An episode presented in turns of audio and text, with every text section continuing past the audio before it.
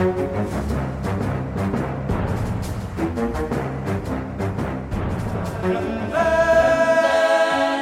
trapler rett fra stammen, skjær meg over samme kammen. Nei, trønder.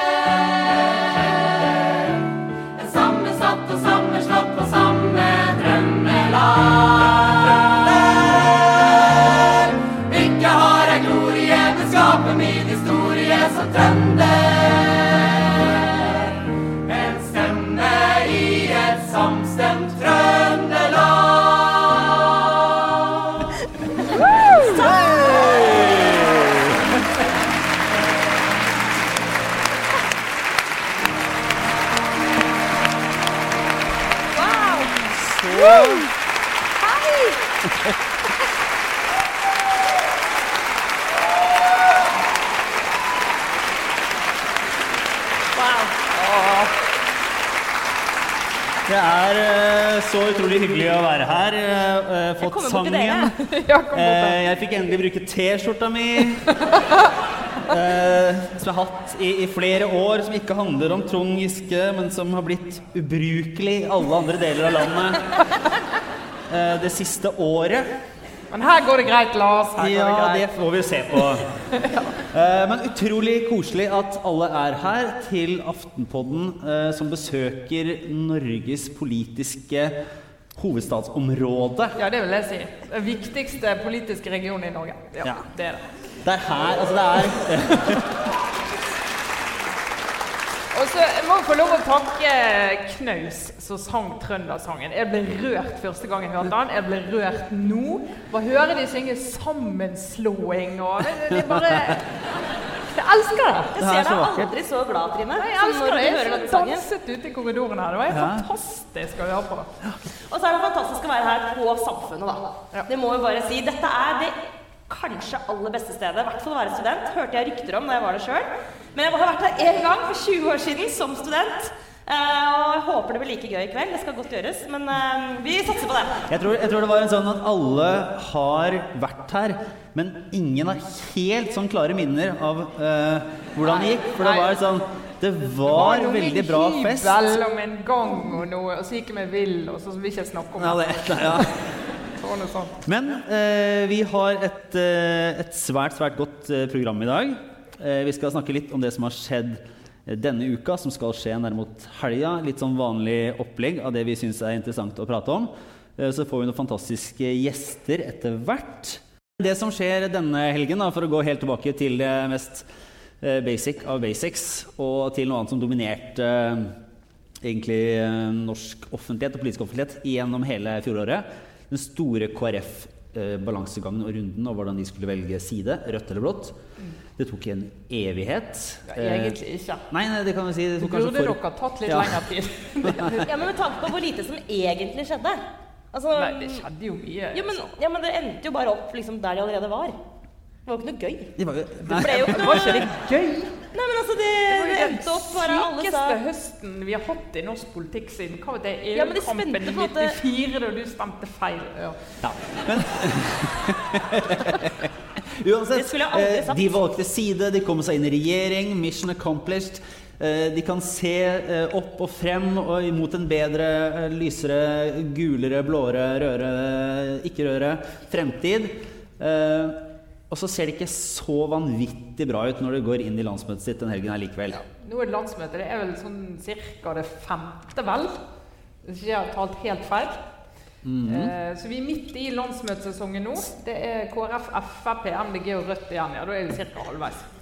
Og da går de inn, suser inn der. De har strevd nede på noen målinger på under totallet, faktisk. En av våre målinger. Nå har ligget i snitt på 3,5 nå en stund. Altså solid plassert under sperregrensen. Og så vil de jo få en diskusjon på landsmøtet sitt. da, Var det, var, var det verdt det? Var det vits i? Og så sier partileder eh, Nei, påtroppende partileder Ja. Kjell Ingolf Ropstad sier at eh, avskalling måtte vi regne med. Vi skulle jo ta et veivalg. Og det er faktisk akkurat det samme som Knut Arild Hareide sa i høst. Ja, for er det sant? Altså, er, det, er det en situasjon de er i nå, eh, kunne vært unngått? Altså Med tanke på at, at det, Vi viste jo en sak i Aftenposten her i uka som var, at det er en avskalling. eh, Flere sånn fylkestopper, erfarne politikere eh, melder seg ut. Eh, måtte, og, og Ropstad som sagt sånn, sier at det, ja, det måtte skje. Måtte det skje? Ja, det måtte skje. Og det hadde skjedd uansett hva side de hadde valgt. Eh, og det var de jo veldig klar over. Og det er derfor de har utsatt det så lenge som de gjorde. De utsatte det jo. De burde jo gjort dette før, før valget i 2017. Som jeg har prøvd å fortelle Knut Arild Hareide når jeg møtte han. Jeg sa, Men Knut Arild, dere skulle jo gjort det flere. Han, han, han, går med på det, altså. Ja. Han går med på det. Ja, nå, ja. Det. Men de måtte, jo- når de, og det er jo som partier. De venter jo ofte lenge med å ta de valgene uh, til de er nesten helt på felgen. Og så er det sånn vi er nødt til å velge. Og idet vi velger en retning eller en konstellasjon, så mister vi en gjeng med velgere. Det gjør vi. Og der er jo KrF nå. Men Ja, samtidig, hvor mye hadde de å tape? Men tenk på eh, KrF. Hadde, det hadde kanskje skjedd med partiet uansett. Altså Den ene eller andre siden ville falt ut. Men tenk på Knut Arild eh, Arild Hareide denne helgen som nå kommer med det landsmøtet. Han kunne stått der. Det var så, altså Hvor mange stemmer var det egentlig? Er, vi snakker altså at, Var det altså, fem? Er det fem? Altså Hvis du hadde snudd, da. Ja, ja, ja. Hvis jeg altså, teller riktig, så var det, altså, det var, Ja, jeg orker ikke å ta hele den matten i mitt eget hode foran alle dere. Beklager. Nei, fordi jeg bare tenker på sånn, Hva skal han gjøre denne helgen? Skal Han han må vel dra dit og late må jo som dra ingenting? dit og få en blomsterkvast, syns Man må jo kjenne på den der Her kunne jeg stått og vært liksom en sånn Han kunne vært Tony Blair, Blair sånn før det gikk til helvete. Faktisk, nesten. En sånn tredje vei. Ja, men Han kunne liksom ha snekret ut en sånn malt opp en horisont og liksom gått inn i solen. Og, altså, det må han ha tenkt på når han skrev den boka si. Satt der på hytta og skrev bok og tenkte sånn Å, jeg skal Dette skal så bra. KrF. Ja. Og så bare gikk det ikke. Men Hva tror- tenker han nå? Altså, det må være så utrolig dritt for Det ham. paradoksale, eh, som i hvert fall har vært på noen av de KrF-landsmøtene, er jo at mye i KrF Han kan antageligvis komme dit, og så blir han hylla Uansett. som en helt. Altså, for da, da er det sånn tilgivelsesgreiene som kommer. Og da skal Ja, de var har være jo sånn, veldig lett for da skal, det. Ja, men da er det sånn derre Åh, Knut Arild eh, ofret seg for oss. Vi liksom, da, da er det varmen, da. Da er det rett inn med all den hyllesten. Så det er ikke sikkert det er så lite altså, Det kan godt at det er veldig Han ga koselig sitt liv for at vi skulle gjenoppstå. Ja. Nå også i påsken, sånn. Ja. Nei, det går bra, det her. Det går bra, Så- det her. Er så det- det er ordner seg. Det Jeg lurer, jeg lurer litt på, er jo om Kjell Ingolf Ropstad sitter og tenker Nå Yes. fikk jeg det Ja, altså man tenker, nå fikk jeg det sånn som jeg ville ha det. Man kjemper på den kampen. Tok grep. Har fått min regjering. Dette er på stell. Men er Om man ser på situasjonen som en sånn Ok, dette er en seier. Yes. Eller om man tenker åh, det her kommer til å bli vanskelig. Ja, det, det, jeg, det tenker han.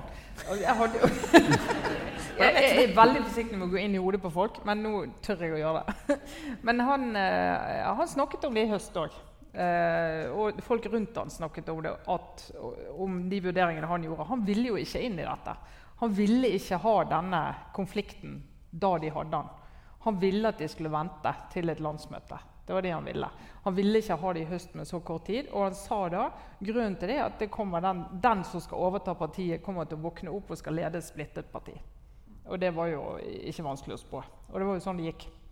Og han var, grudde seg for det. Så det har ikke vært noen sånn drømmejobb for han å komme inn i det. Men er det noe han kan gjøre for å for å, for å rette det opp, for å på en måte, okay, få med flest mulig? Altså, hvordan er det han, De ligger på målingene nå, vaker godt greit under eh, sperregrensa. Er kan, er det noen grep du kan ta som KrF-leder for å få folk til å tenke aha? Nei. På en annen side så har vi jo i Sverige et eksempel på altså grunnen til at Det er litt flåsete, men det er også litt sånn reelt at det er vanskelig å se for seg at et kristent parti med det ståstedet til KrF eh, liksom skal vokse veldig. Altså det sånn det, det, det minner jo veldig om en forgangen tid, hele det partiet. Altså et veldig sånn bakoverskuende opplegg. Så det er liksom fristende å si sånn Sorry, de er ferdig. På en annen side Ebba Busch Thor i Sverige. Ja, ja, har men det hun har gjort, er jo at hun har jo ikke kjørt på med kristne verdier. Og, altså, på, eller kjørt veldig på det kristne, men mer sånn ja, konservative verdier. Eh, og, og som KrF, og det var også en i partiet som sa til meg i høst at eh, det at KrF gikk med på den eh, pappakvotelogikken til opposisjonen den gangen, det var helt feil. Altså Politisk for KrF er det riktig å være et sted hvor du sier at det må familiene bestemme selv. Og det, er der, det har jo klangbunn hos veldig mange nå. For den siste endringen i foreldrepermisjonen har jo ført et opprør hos en del unge kvinner som ikke vet at vi som kom før, ikke engang hadde så mye permisjon. Men de er i hvert fall utrolig forbanna på den endringen. Og hadde KrF de kunne hatt en mulighet til å eh, fiske litt i det vannet, og det har de ikke gjort. da. Og nå er det jo en regjeringserklæring som gjør at de går inn for tredeling. Men det er en sak, type sak som KrF kunne ha mobilisert på, og hvor de kunne vært litt i tiden akkurat nå. Kunne vært i tiden. Eh, Men var ikke i tiden. tiden gikk fra dem. Men en vanskelig sak for dem blir jo, blir jo disse barn av IS-foreldre. Eh, Vi kaller de ikke IS-barn. Det er sånn, det er sånn I aviser er det sånn diskusjon. Hva skal du kalle eh, et sakskompleks eller en gruppe mennesker? og det- så det IS-kvinner, kvinner som er gift med IS-soldater eller kjempere. Eh, Men å kalle et barn for IS-barn, det har vi funnet ut at det skal vi ikke gjøre. For disse barna har jo ikke valgt å knytte seg til IS. Og det er en veldig sånn stempling av de, så vi kaller de barn av IS-foreldre. Og eh, det, er, ja, det er både KrF, et KrF-dilemma og et politisk dilemma ellers. Og har vært den store debatten denne uka her, bl.a. etter at Aftenposten fant eh, fem barn som eh, tid, altså er norske, eh, i en eh, leir, og, og som nå ikke har foreldre. Og som fikk Erna Solberg til å komme mer på glid og si at eh, foreldreløse Man vil hente hjem foreldreløse barn. I hvert fall prioritere det. Men altså, den er jo, det jeg syns med denne saken, her er jo at det er en, den virker både veldig vanskelig, eh, et vanskelig dilemma og på en måte litt enkelt.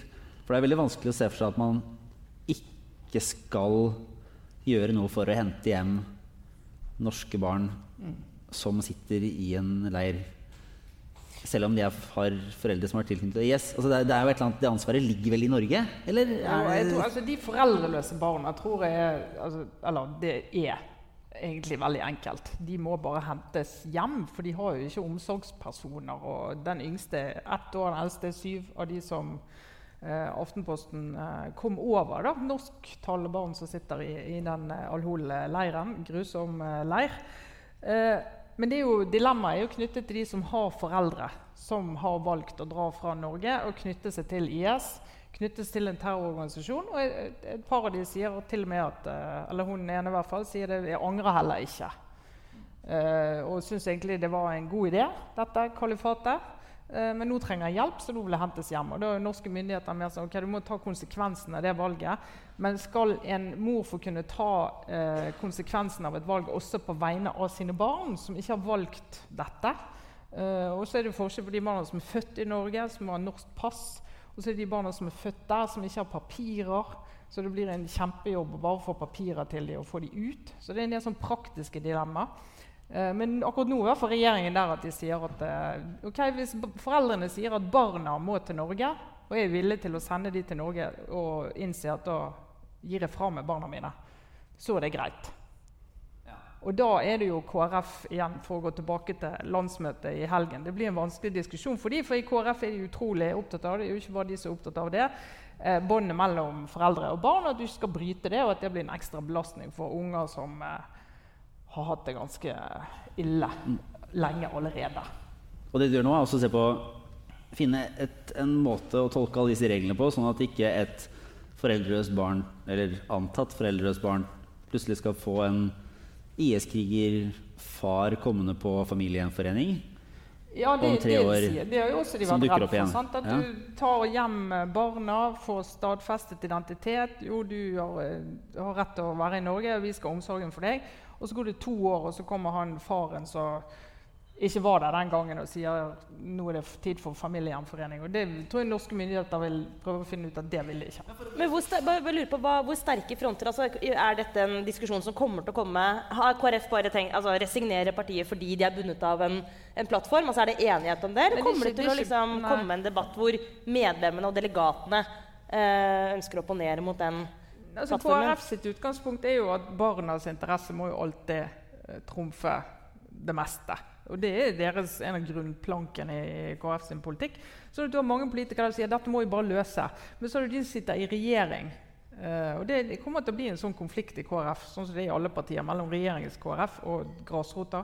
Og sier at ja, vi også vil hjelpe dem, men det er ikke så lett praktisk å gjøre det. Det er ikke så lett praktisk å gjøre det, og så er det noe de kan fortelle, og noe de ikke kan fortelle. Så de kommer til sikkert få en del sånn vanskelige diskusjoner. Det virker som om den norske debatten er på en måte som de fleste er relativt enige om at man på en måte skal minimere både antall barn og, og andre som kommer til Norge.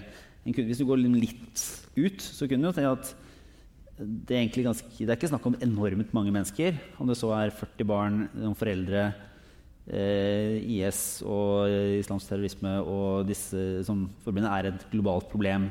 Vi kan ta vår. Hvem er bedre rusta i Norge til å ta imot enn 40-50 barn og eh, 50-100 voksne. Og så eh, bruke vårt system for å rehabilitere i den grad det går an. på disse folkene. barnehagen. Ja, eller altså, ja, ja, to dugnader i barnehage.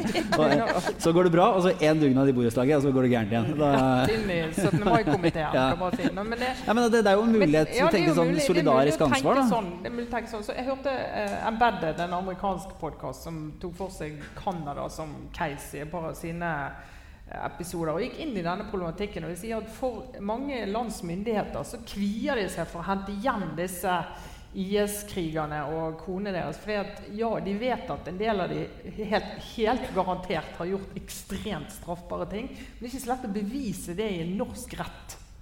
Og så du kan si, Her kommer han tilbake igjen. eh, Eks bla bla IS-kriger har vært ute i fire-fem år. Eh, Har helt sikkert vært med på ting, men hvordan skal vi belegge det?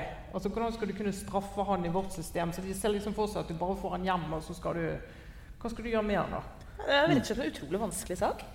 Den, hele den Altså, jeg, ikke, altså, ikke vet jeg. Jeg er glad jeg ikke skal svare på det. Ja, du får lyst til å gi opp? Og, ikke. ja, kan, kan ikke noen andre bare bestemme det her? Det er ikke det vi har politikere til. Ta Ja. sånne vanskelige avgjørelser på våre vegne, så kan vi klage etterpå. Eh, eller mene noe om hva de bestemte seg for. Og si at de er inhumane. Kan vi si. Ja.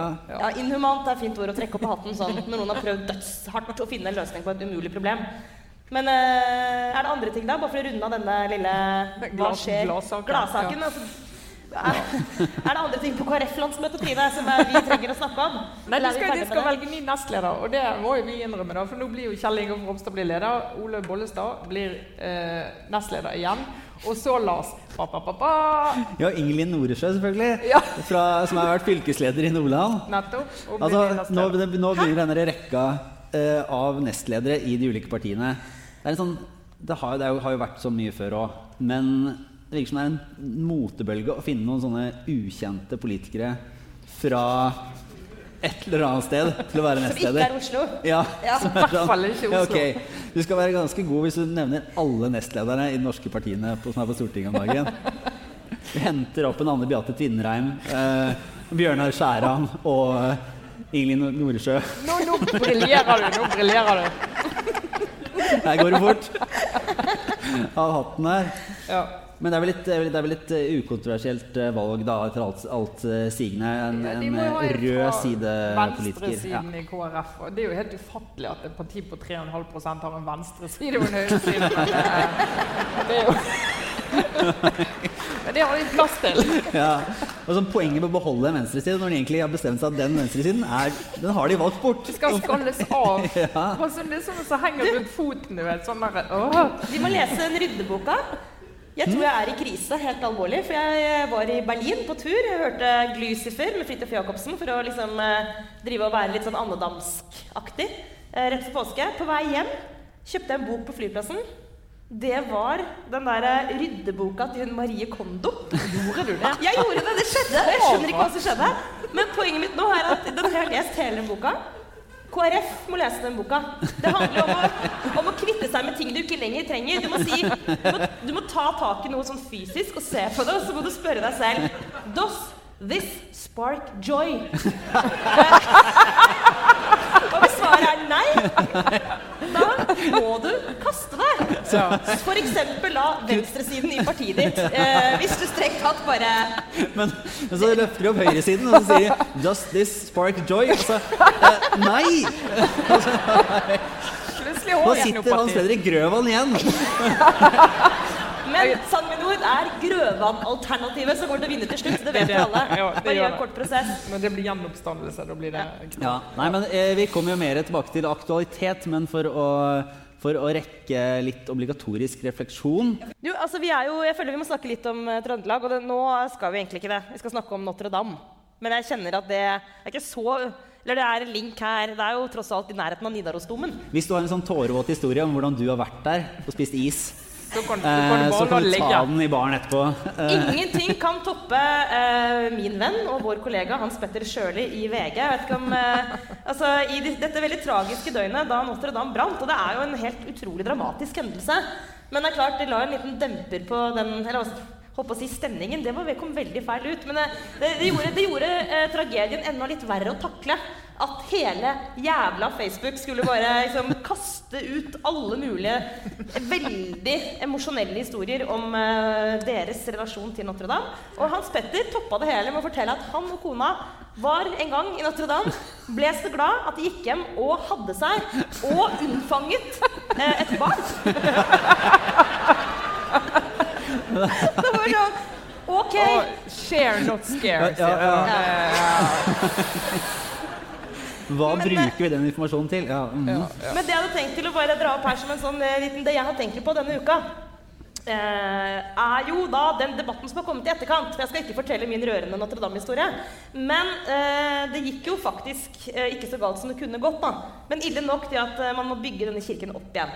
Eh, og så er da den diskusjonen som går nå, eh, hvordan skal man bygge den opp igjen? Og det syns jeg faktisk er en ganske sånn genuint interessant diskusjon. Jeg er litt usikker selv på hva jeg mener, men kan vi høre med dere? Skolerte mennesker Ja, i dette. Da, er, da er valgene om du skal bygge den opp akkurat sånn som den var, Ja. Og eller om du skal tenke at nå legger vi på en funky glasskule Ja. og litt sånn snøhetter og ja. Jeg kan jo røpe, siden jeg er på Studentsamfunnet, jeg har jo faktisk studert. Eh, veldig kort, men det har jeg faktisk. Og det var jo kunsthistorie som jeg studerte. Eh, og en av de få forelesningene jeg gikk på, handlet faktisk om denne problematikken, som er da eh, Når man har et historisk sted Se for dere Nidarosdomen. Eh, om man f.eks. må bygge en liten fløy eller bygge opp igjen et tårn som har falt sammen, så har man jo tradisjonelt opp gjennom kunst- og arkitekturhistorien gjort det eh, etter sin samtidsskikk. ikke sant? Veldig mange store byggverk, bl.a. Notre-Dame. Når du går inn der, er det som å gå gjennom eh, kunsthistorien. Forskjellige fløyer som er bygget i forskjellige århundrer. Og det tårnet som falt ned, det er jo fra 1800-tallet. Det er jo ikke gammelt. altså Notre-Dame ble påbegynt sånn Det har jeg allerede glemt, men jeg tror det er sånn 1100-1200-tallet. 1200 et eller annet. ja. Give or take a few. Ja. Give or take a few. Det er så lenge siden. Men eh, det er jo bare den gamle delen av kirken. Så Notre-Dame er Herregud, jeg har sagt utrolig mye om Notre-Dame. Jeg blir snart ferdig. Er et slags eh, oppslagsverk. Du går inn der, så kan du se ulike deler av vår historie. Så kommer spørsmålet Skal vi også bidra med vårt og bygge en, et nytt tårn i Notre-Dame som er liksom 2019? Sånn at folk om 100 år kan gå inn og bare 1200 something something? 2019. ja. Eller skal vi kopiere eh, den allerede kopien av det tårnet som falt ned? Henger dere med? Hva syns du? Nei, ja, det, jeg bare, da jeg først hørte den her Ja, hva tenkte du da? Hva tenkte ja, du da? Nei, da du først så der sånn eh, nå, OK, nå Bygd opp sånn som det var, da. Det var jo se for dere Nidarosdomen. da, Det ble å ødelagt. det etter, opp igjen. Nidarosdomen, altså ikke, ikke kjent så godt etter, da. Men la oss si at man måtte bygge noe nytt på Nidarosdomen, da. Av en eller annen grunn. Uh, ja, kopi eller 2019? Sibirsk lerk. Sibirsk lerk. Litt Ja. glass og stål. en sånn spir som, Ja, litt sånn. som går litt sånn lambdask eh, med, med autovern rundt. Ja. Jeg, vil, jeg, jeg har har liksom vondt for å stole på Perforert aluminium. Ja. Føler jeg helt altså, jeg, jeg, må, jeg må si, Sara, da du åpnet Eller du nevnte denne saken, så det første jeg tenkte tror jeg sånn som mange tenker at eh, Nei, det må, vi må ha det akkurat sånn som det var. Ja. Hvis ikke må vi bytte ut alle postkortene, og alt blir rart. ja. Fordi du er konservativ i din sjel. Ja, nei da, og jo da. Men da, men da Men så hører jeg på det, da. Det er jo, du har jo helt rett. Alle de store byggene er jo mange deler i de. Det er jo mange hundre år imellom hver gang de delene ble bygget. Eh, Så jeg er egentlig litt åpen for eh, glasstårn. Ja, så skal man ha på en måte evighetens perspektiv. Det mener jeg man må ha i sitt liv. Jeg må ha et tusenårsperspektiv. Ja, ikke, ikke, ikke i sitt tusen nok? liv, kanskje. Men Jeg føler at det er litt jeg føler evighetens perspektiv. Ja, hvis man har det der, la oss si 1000 Ja. år, da. Så er det jo riktig å si at eh, om 1000 år så er det mye mer relevant for de som kommer dit, at eh, tårnet er fra 2019. jeg skulle si det var for den gangen det brant. Ja, ja, ja. ja. Påsken Slik lærer man opp, slik bevarer man Ja, opp. ja, ja. Så jeg er for, eh, faktisk, jeg er for eh, et litt sånn lekkert. Eh, sånn Ikke stygt, ikke sånn Nei, Nei, altså lekkert, ikke brutalistisk. stygt. Ok, har noen andre ting vi kan kaste rundt her? Eh, Men det er ikke lov å si stygt, har vi lært. Stygt fins ikke, da. faktisk. Det er bare interessant fins. Ja. Jeg vil ikke ha et interessant hår, men et litt sånn luftig, noe sånn glassaktig. ja, dette, ja. Sånn Ja. Ja. OK, vi Ok, med. dette er, men det er bare en, en ting på den der Notre Dame-biten som var fascinerende. Det var den derre Notre Dame brenner ned. Veldig trist. Kjente på det. To dager så var det sånn tre milliarder samla inn. Krigen i Syria. Årevis. Sitter og rister i land for å få ut eh, millioner. De har lovet er det, liksom, er det en helt eh, du, syk jeg- eh, ting å sette opp mot hverandre, eller er det noe Nei, men så skal være helt ærlig sammen. Evelyn Waugh nå, For å dra opp enda en sånn litt interessant Blindern-referanse. Men den britiske forfatteren Evelyn Waugh han sa jo og det, Han skrev i et brev, og det er et ekte sitat, at hvis huset hans brenner, han måtte velge om han skulle redde bøkene fra biblioteket sitt eller sine egne barn. Vet du hva han svarte da? Barna? Nei. Bøkene. Fordi som han sa, barn kan man lage flere av, men min boksamling er helt unik. Sånn sett så kan du si at Notre-Dame varer lenger enn oss. Så det er riktigere å bygge opp Notre-Dame enn å, enn å fikse opp i en krig, da. Ja, ja, men Ifølge det- Evelyn Wall, ikke ifølge meg. Men så Jeg tror vi trygt hopper videre til noe eh, mindre brennbart eller mer brennbart, Trine? Nei, nei ja, det, det kommer an på hvem som og hvordan jeg snakker om dette, føler jeg. Ja. Ja. Nei, min obligatoriske refleksjon Jeg leste om eh, eh, Greta Thunberg. og vi er der, ja. Alt jeg har sagt nå, kommer til å høres da, ut som og så utrolig skal jeg sånn snakke om Greta. Thunberg. Du skal ikke kritisere Greta Thunberg. Nei, jeg skal ikke kritisere Greta Thunberg. For Men du skal det. Det går ikke. Nei, men det som Jeg skal ikke kritisere Greta Thunberg. Jeg skal kritisere vår stand, og det er jo alltid mye lettere. Nei, altså Det var i The Spectator som uh, skrev en eh, kommentar uh, som jeg leste. Det var til og med skrevet ned navnet på han som skrev den, for jeg kom, visste ikke kom til å huske det. Ross Clark i Spectator skrev det. Eh, og Tittelen hans er jo dessverre sånn et eller annet hva er galt med Greta Thunberg. Men det er jo egentlig ikke hun det er noe galt med, for det han kritiserer. Han beskriver en situasjon der hun kommer i studio i BBC på den viktigste frokost-TV-spotten. Eh, der liksom folk virkelig kan treffe mange mennesker. De blir intervjuet av en eh, programleder som vanligvis er kritisk, stiller kritiske spørsmål, er litt sånn eh, pågående og konfronterende. Eh, men når hun er der, så er han bare sånn ja, koselig og hyggelig og liksom La hun snakke og alt. Og det han, poenget hans er at nå Greta Thunberg er blitt en veldig innflytelsesrik person. Påvirker unge mennesker i hele verden. Eh, for en veldig viktig sak. Men som han sier, hvis du virkelig skal ta henne på alvor, så må du også stille kritiske spørsmål. Ja. Da må du spørre, hvis du virkelig mener det at det skal bli slutt på utslipp i 2025 eh, Skjønner du at noen er redd for konsekvensene av det, f.eks. For, for økonomi og for næringsliv?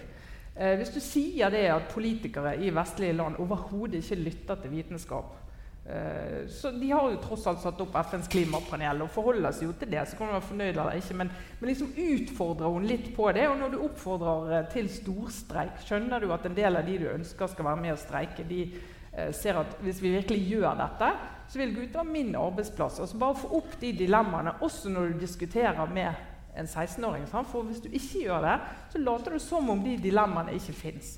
Og det er, altså, jeg, jeg er helt enig i kritikken mot ikke Greta Thunberg, men mot oss som forholder oss til en person Ja. som har innflytelse. Og alle personer som har innflytelse Du trenger ikke være ekkel, du trenger ikke være frekk, men du må kunne stille kritiske spørsmål for å få frem dilemmaene. Men eh, jeg er jo enig i det. Men hadde det vært mulig eh, altså han, eh, det, Jeg tror det er en mann som leder det eh, frokostshowet der, som hun var på. Middelaldrende mann tar jeg ikke helt feil. Eh, og ikke, noe, ikke et vondt ord om middelaldrende menn, men de sliter jo litt med liksom, omdømmet sitt og generelt likeability. Det er veldig vanskelig for oss som ser, ser en fremtid i middelalderen. Da. Altså, Ja, ja. På et tidspunkt kommer til å bli en del av den gruppen. Så er, det, ja, ja, du Og er, jeg, er deg jeg, jeg blir 50 år om en uke, så jeg bare sier. Middelalderen kom til meg. Trine har bursdag 1. mai. Det er koselig. ja. Eh, men uansett, eh, han eh, For å forsvare han litt, da. Kunne han overhodet ha kommet unna med og liksom vært litt sånn eh, konfronterende kritisk journalist i møte med Greta Thunberg? Altså, han ville jo, det ville jo altså, Det ville jo blitt Nei, ikke- sett så stygt ut, sant? Det- ikke sånn som han skulle vært det mot en sentral politiker som faktisk sitter med makt og kan påvirke dette i jobben sin. Men det går an å stille spørsmål og utfordre uten å være veldig konfronterende og veldig hard. Det går an å være det på en hyggelig måte. ja. Det mener jeg at det går. If you say so. Hører du? Ja, men eh, fordi i prinsippet så vil jo det være- gagne saken. Ja, men Altså, det er jo å ta det seriøst. da. Hvis ikke så blir sitter masse mennesker og sier men hvorfor spør du ikke om det? Og det dette er jo grunnen til at ikke alle vi kaster oss på. og Du må jo vise frem det òg. Og det er ikke bra for saken. Eh, men det er nå så. Eh, vi er jo så heldige her i kveld at vi har noen veldig utmerkede gjester som vi nå skal ønske det betyr at vi er ferdig med ukas viktigste saker. Ja, ja, nå, nå er vi ferdige med å prate. Så nå skal, Så nå skal vi ønske velkommen fra Høyre Mari Holm Lønseth, stortingsrepresentant. Kom inn her. Og Snorre Valen, avdanket politiker. Ja, Velkommen. takk for det. Takk for det. Skal han få en sandal? Her eh, kan dere få dere noe fra det lille Ja. barskapet vårt.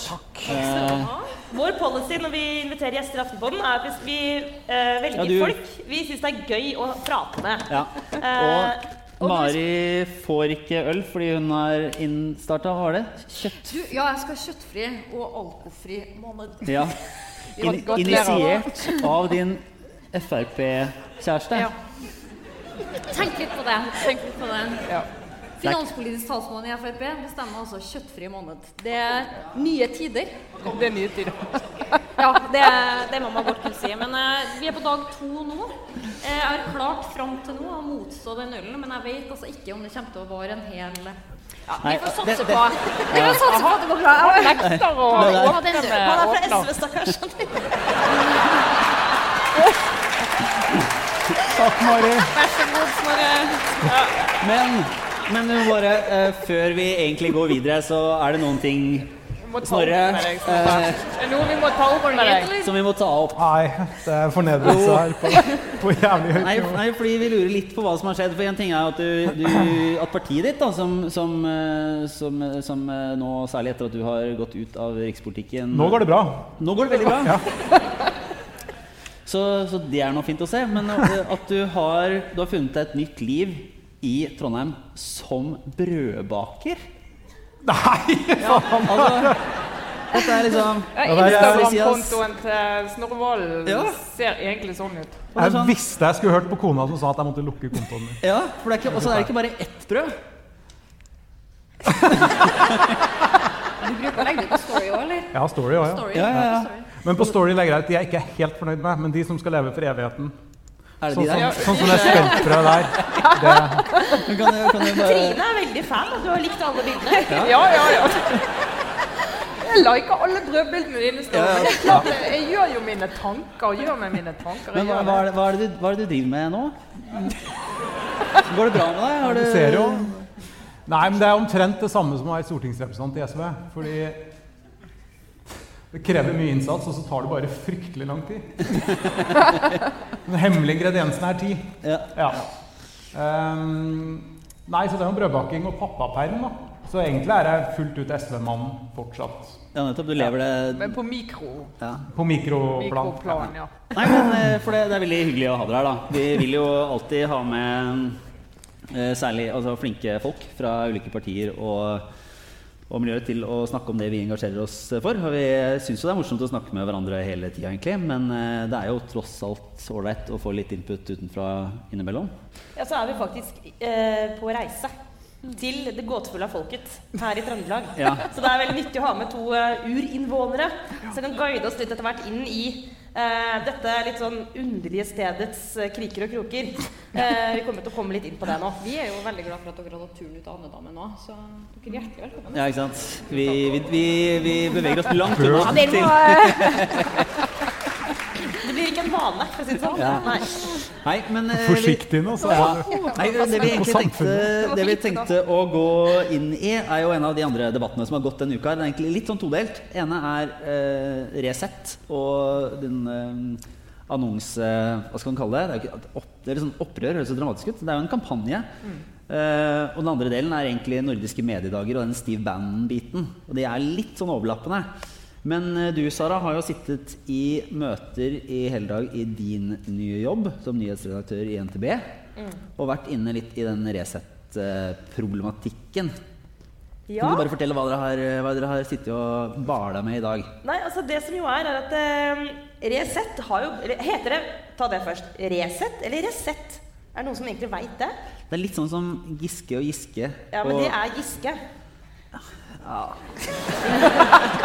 Ok, anyways. Resept, Jeg føler egentlig at jeg ikke syns de egentlig fortjener at jeg sier navnet deres riktig. Kjenner jeg nå. Det er egentlig jeg driter i hvordan de mener jeg skal uttale det. Ja. Sier det mitt lille opprør nå. er At jeg sier akkurat det jeg vil, nemlig Resett. Uh, men, men det er jo en avis uh, eller en blogg eller et nettsted, uh, alt ettersom, som, som vi jo må forholde oss til at har kommet eh, Kanskje ikke for å bli for evigheten, men for å være her en god stund. eh, og blitt en del av det norske liksom, medielandskapet. da. Og eh, for NTB, som jo jeg jobber i nå, så er det sånn at eh, Resett er kunde av NTB. Eh, og det betyr at de har en avtale om å, altså de betaler for å få tilgang til de sakene som NTB lager, og legger ut veldig mye stoff fra NTB på sin nettside. Jeg tror i dag var det, eller jeg tror Medie24 hadde telt opp at det var, til, det var 25 av 70 saker cirka, som er fra NTB. Eh, og det er det jo sin fulle rett til å gjøre som kunde. Og, eh, og de sakene de legger ut, de er jo akkurat Altså, de gjør ingenting med de sakene. De presenterer dem eh, sånn som de er sendt fra oss.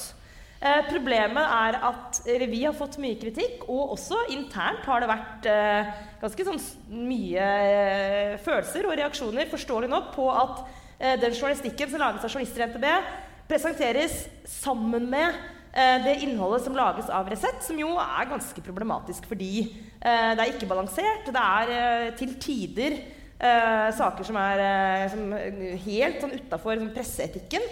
Eh, men kanskje det verste er at det er kommentarfelt på Resett, som jo er Det er bekmørkt. Det er, jeg tror det er det mørkeste kommentarfeltet. Så der er det så mye grums. Eh, så diskusjonen har da vært, som vi har brukt eh, mye tid på i dag Derfor kom jeg litt seint hit til Trondheim.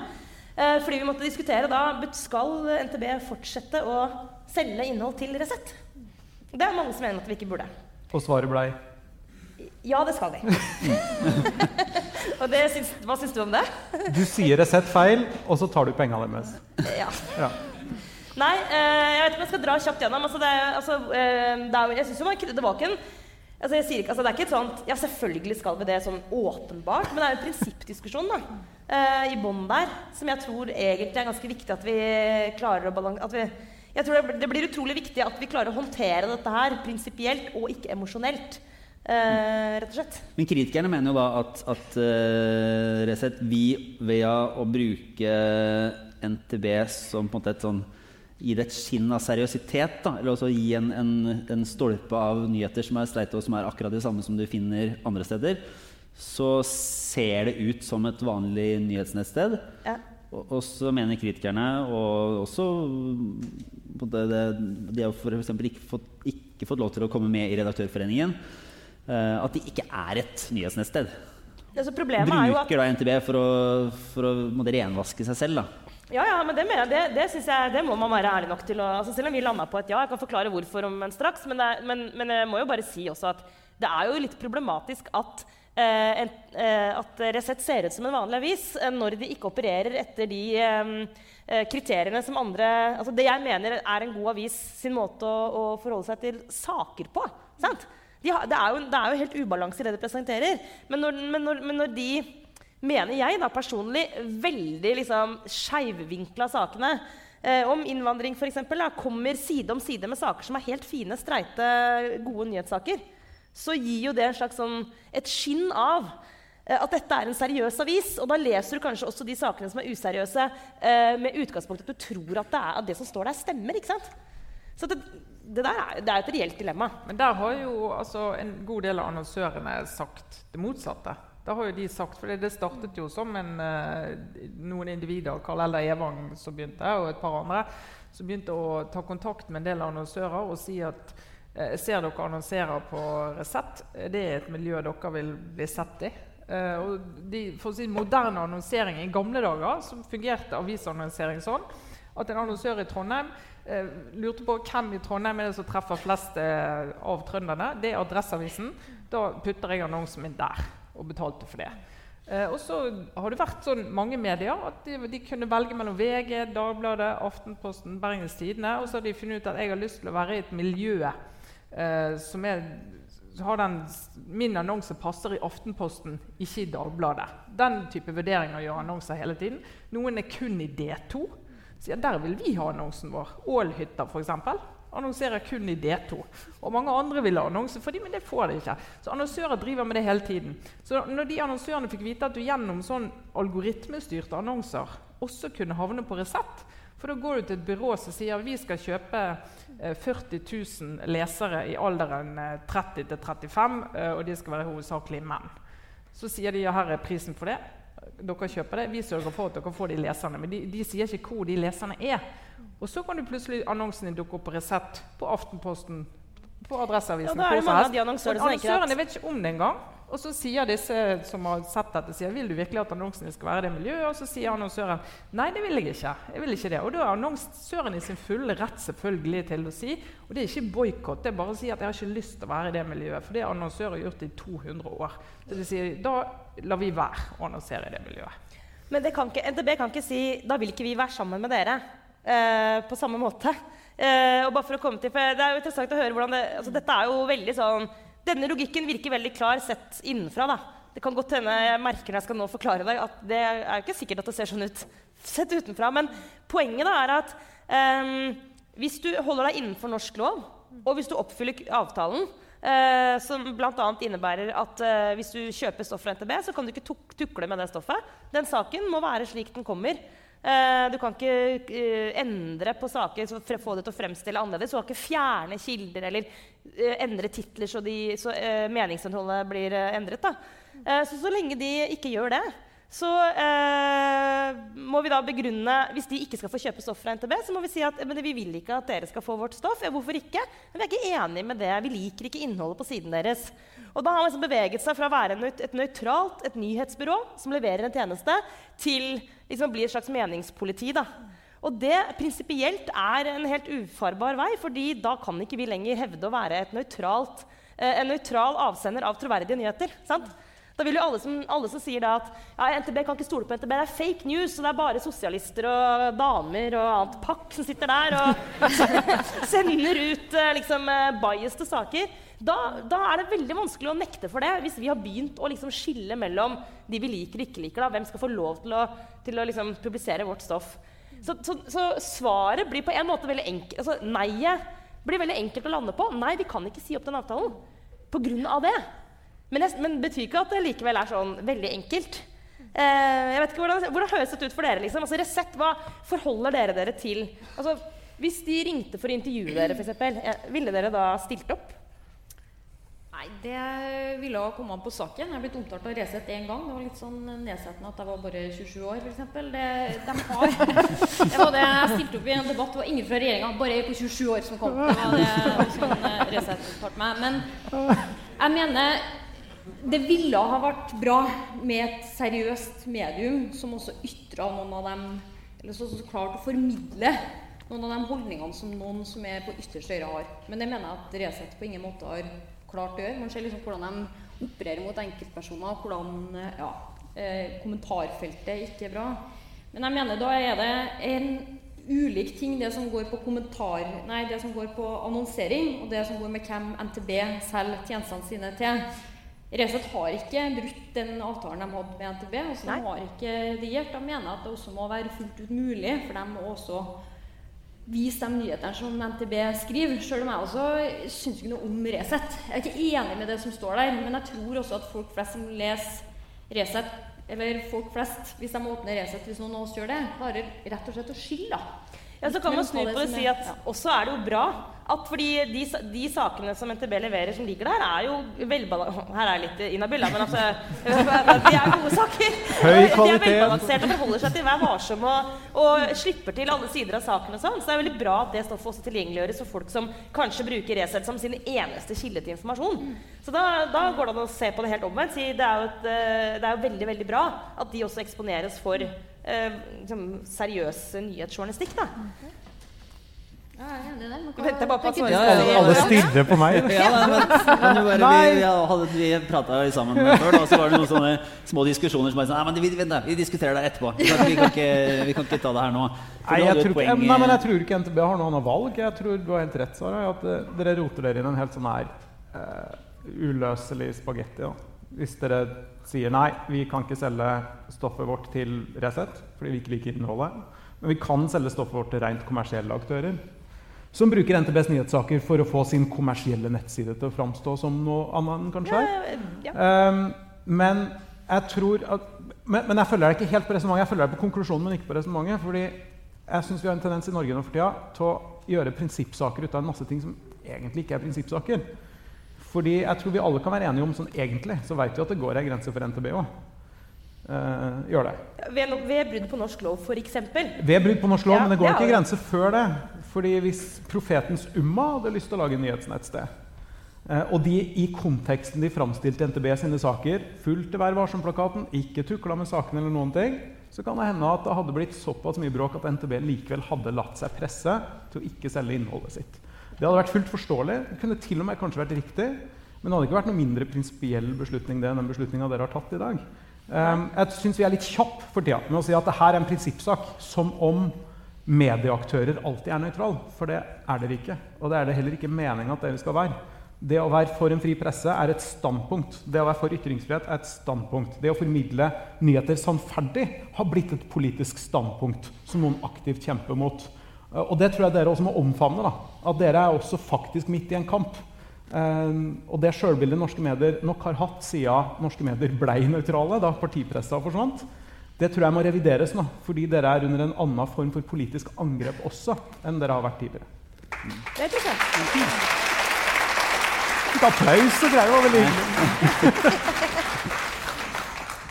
uh, ja, det syns jeg er veldig interessant. For det er jo um, uh, Vi liker jo å tenke at vi må gå inn i det prinsipielle fordi vår rolle også er på, er på en måte prinsipiell. Eller vårt, i hvert fall liker vi å tenke på oss selv som at vi har en rolle å spille inn. Eh, Vi er fjerde statsmakt, liksom. Hallo! Vi, er, altså, vi kan ikke bare drive og synse i vei. Vi må ha noen prinsipper, fordi det vi driver med, er viktig. Ja, men det er jo litt sånn følelse av at vi, vi kan ikke si noe en dag og noe annet en annen dag. Men det er mulig vi er litt sånn selvforelska. dere gjør jo det på lederplass hver dag. Jo, jo, men dere er jo, dere er jo likevel fri presse. Altså, det, er liksom det, det, er liksom det å være prinsipiell og det å være for ytringsfrihet kan ikke bety at man aldri skal mene noe. Det er der jeg detter av. Men hvor går grensa di hen, da? Det er ikke opp til meg å sette den grensa. I hvert fall ikke nå, for nå har jeg ingen mandat til å mene noe som helst. Jeg bare sier at Jo, men, endelig, jo, men jeg trenger ikke å sette en grense. Jeg bare sier at for NTB så går det sannsynligvis en grense. For det gjør det i de aller fleste tilfeller. Og det er helt greit. Det er ikke noe farlig. Og det er ikke noe brudd på noen prinsipper å, å ha en grense og si nei, vi syns at denne kunden er så problematisk og så brekkekkel og så heslig at vi selger ikke stoffet til dere. Og så lever Grunnloven likevel. Det, det er ikke farlig. Da. Men jeg bare lurer på, den, den, eh, når dere har vært sett det, Hva er det som ses på som bryter med norsk lov? For på en måte er det, hvis, det kommer, hvis det er ett leserinnlegg Det har jo ikke vært noe tradisjon egentlig i Norge for å måte, anmelde nødvendigvis medier for hatefulle ytringer. Da. Ja, men, det fins jo en grense i men loven det for... jo en grense der. så ja, rasisme, hvor- rasisme, ja. er ikke lov. Altså, det er jo en grense. Det er jo, Grunnloven beskytter jo det Her er, har vi jo noen av lovens voktere. Kanskje dere husker den, hvordan det er formulert? Men eh, hatefulle ytringer er ikke lov. nettopp. Men, men er det sånn at hvis, hvis Resett skulle sette på trykk en redaksjonell, altså godkjent kommentar som noen anmelder for rasisme eller hatefulle ytringer, og som så anses som det, er det, er, er det grensa? Dette her er hypotetisk, jeg vet men jeg antar jo altså Vi kan se for oss, da, bare for å være litt i den altså Hvis, hvis et nettsted, eh, hvilket som helst nettsted, men la oss si altså Resett, da, blir f.eks. dømt eh, Hvis det kommer en dom som sier at dette nettstedet blir dømt for å eh, publisere hatefulle ytringer i strid med loven, ja, da er vi over et helt annet Det er en annen situasjon, da. Men det som er, altså I presseetikken er det jo sånn at eh, både Resett og alle vi andre har ansvar for presseetisk ansvar for det som er i kommentarfeltet i våre saker. Også på Facebook, som ikke er vår plattform. Sånn at Hvis det kommer rasistiske ytringer der, så har vi ansvar, redaksjonelt ansvar for at den er publisert. Så det kan ikke vi si ja, men det var jo han der Per på Fosen som skrev. Han kjenner ikke jeg. Per på Fosen. Jeg var i Trøndelag nå. litt for lokal litt for spesifikk referanse. Too close to home. Ja, nei, men sånn at Presseetikken er jo altså Der er det kommet fellelser i PFU, altså Pressens faglige utvalg, som tar disse sakene og behandler dem, eh, som har slått det fast at det ansvaret har vi. Og det er jo nesten alle redaksjoner tror jeg har blitt felt på et eller annet i et kommentarfelt en eller annen gang, for i starten så var vi ikke helt obs uh, på det. Sånn at denne grensen på hva som er Jeg tar rasisme, da. Eh, hvor det er publisert, og hvem som har signert det, når du er inne i et mediehusunivers, den er ikke, det er ikke sånn at ja, men du får lønn derfra, så derfor så, hvis du gjør det, så er det ulovlig, men hvis han gjør det, så Men, det å, men Det er jo helt riktig, men poenget er at Vær varsom-plakaten og de etiske reglene som pressen, store deler av pressen forholder seg til, det er jo frivillig å, å tilslutte seg det. Resett er ikke medlem av, eh, av Presseforbundet, og de, de følger ikke Vær varsom-plakaten. Eh, og det kan man jo velge å la være å gjøre. Det er jo en selvjustisordning, og da er det norsk lov som regulerer dem. sant? kan jeg være litt nachspiel-kverulant? Altså, Er ikke, er ikke du satt i jorden for å være det, egentlig? Jo. Jeg syns det er interessant Nei, jeg er ikke nachspiel-kverulant, for det er ikke polemisk ment. Det er et oppriktig spørsmål. Eh, jeg syns det er interessant at du lener deg så mye på norsk lov. Fordi noe av poenget med den fjerde statsmakt er jo at den skal være sjølregulerende, som du sier. Så vi løfter opp en sånn hypotetisk problemstilling der en ytring på Resett først er rasistisk hvis det er prøvd i retten og dømt. Er ikke det en ansvarsfraskrivelse? Har ikke pressa sjøl en, en plikt til å kvalitativt vurdere da hva slags plattform Resett er? Og så sier ikke at det nødvendigvis skal påvirke hvorvidt dere selger eller artikler til det eller ikke, men det er jo ganske åpenbart tror jeg, for ganske mange her i salen at måten Resett har omtalt Sumaya Irda Ali på, er rasistisk. Sjøl om de ikke er dømt for rasisme, som det er ekstremt høy terskel for i Norge, så er det liksom heva over enhver eh, rasjonell tvil i, i, i, i presumptivt de fleste her sin, sin øyne, i hvert fall, da, at det er rasisme. Eh, men betyr det at det spiller ikke inn fordi det har ikke vært gjenstand for en rettslig behandling? Altså, er ikke det Jeg, litt jeg, rart? syns, jeg syns du har gode poenger, jeg. Litt for gode, dessverre. Så jeg, jeg tenkte å være litt sånn eh, eh, Nei, jeg, jeg, jeg, syns, det der syns jeg faktisk Nei, for å være prinsipiell så kan jeg ikke drive og synse om det. Vi må forholde oss til noen Det må være noen stabbesteiner. Altså, vi, men det er forskjell bare for å si, bare for, det er forskjell på Hadde det vært en plattform som jeg var redaktør for det, det, det er jo, altså, Da mener jeg at det er helt åpenbart at ja, du har et ansvar for å fjerne den ytringen. Det er bare litt krevende å være en plattform som jeg ikke er redaktør for. Ikke sant? Altså, altså, og Det er da du er over i, det er derfor det blir et ytringsfrihetsspørsmål. egentlig. For det er sånn, Jeg skulle ønske at de ikke publiserte de artiklene om uh, Sumaya. Jeg syns også de er uh, ekstremt ubehagelige. Men jeg har ikke noen myndighet til å, til å fjerne det. Og, og så lenge det ikke er i strid med loven, så er det egentlig ingen som har det. Så kan det jo selvfølgelig hende at noen av dem faktisk ville vært det hvis man, hvis man undersøkte det. da. Det, Men så- det kan hende, men Det kan vi ikke vite. Nei, men altså, det, det er jo problemet med den ytringsfriheten. De, det, den er av gode grunner.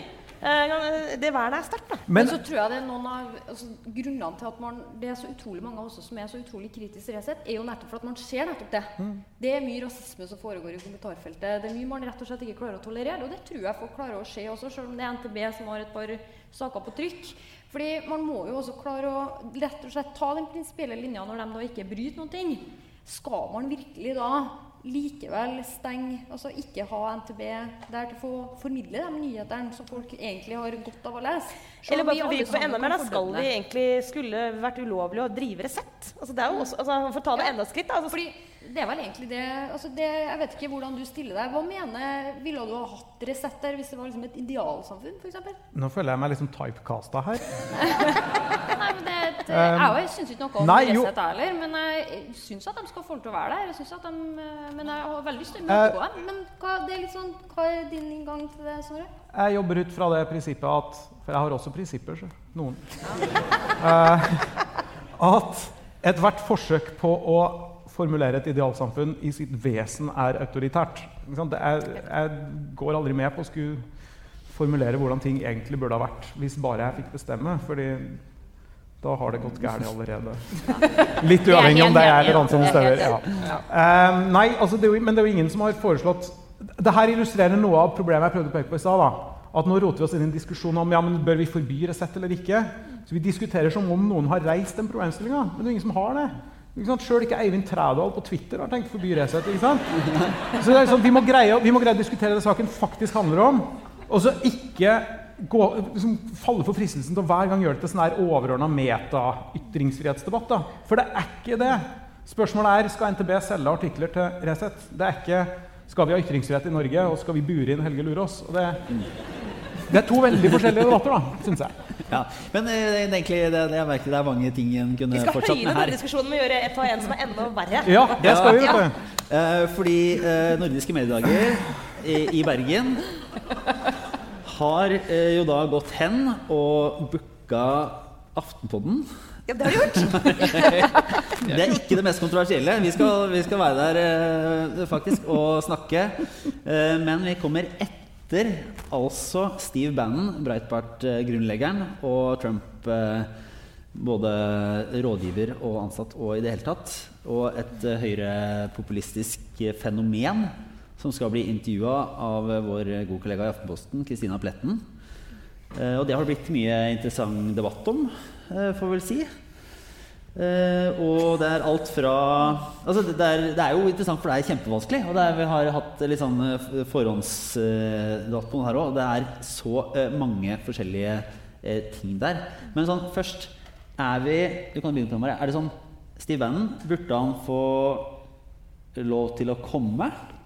Hvis vi bare starter der, da. Eh, ja, ja, men han burde til å komme. Men han er en interessant person å spørre ut òg. Med den bakgrunnen han har særlig for Trump. Og de, de vant valget sånn som de gjorde. Så jeg mener absolutt at han burde få lov til å gå. Men han burde selvfølgelig ikke få lov til å komme eh, og få en talerstol. Altså Ytringsfrihet handler jo ikke om at du får liksom privilegiet til å stå der og bare snakke fra en talerstol helt uten at man blir motsagt.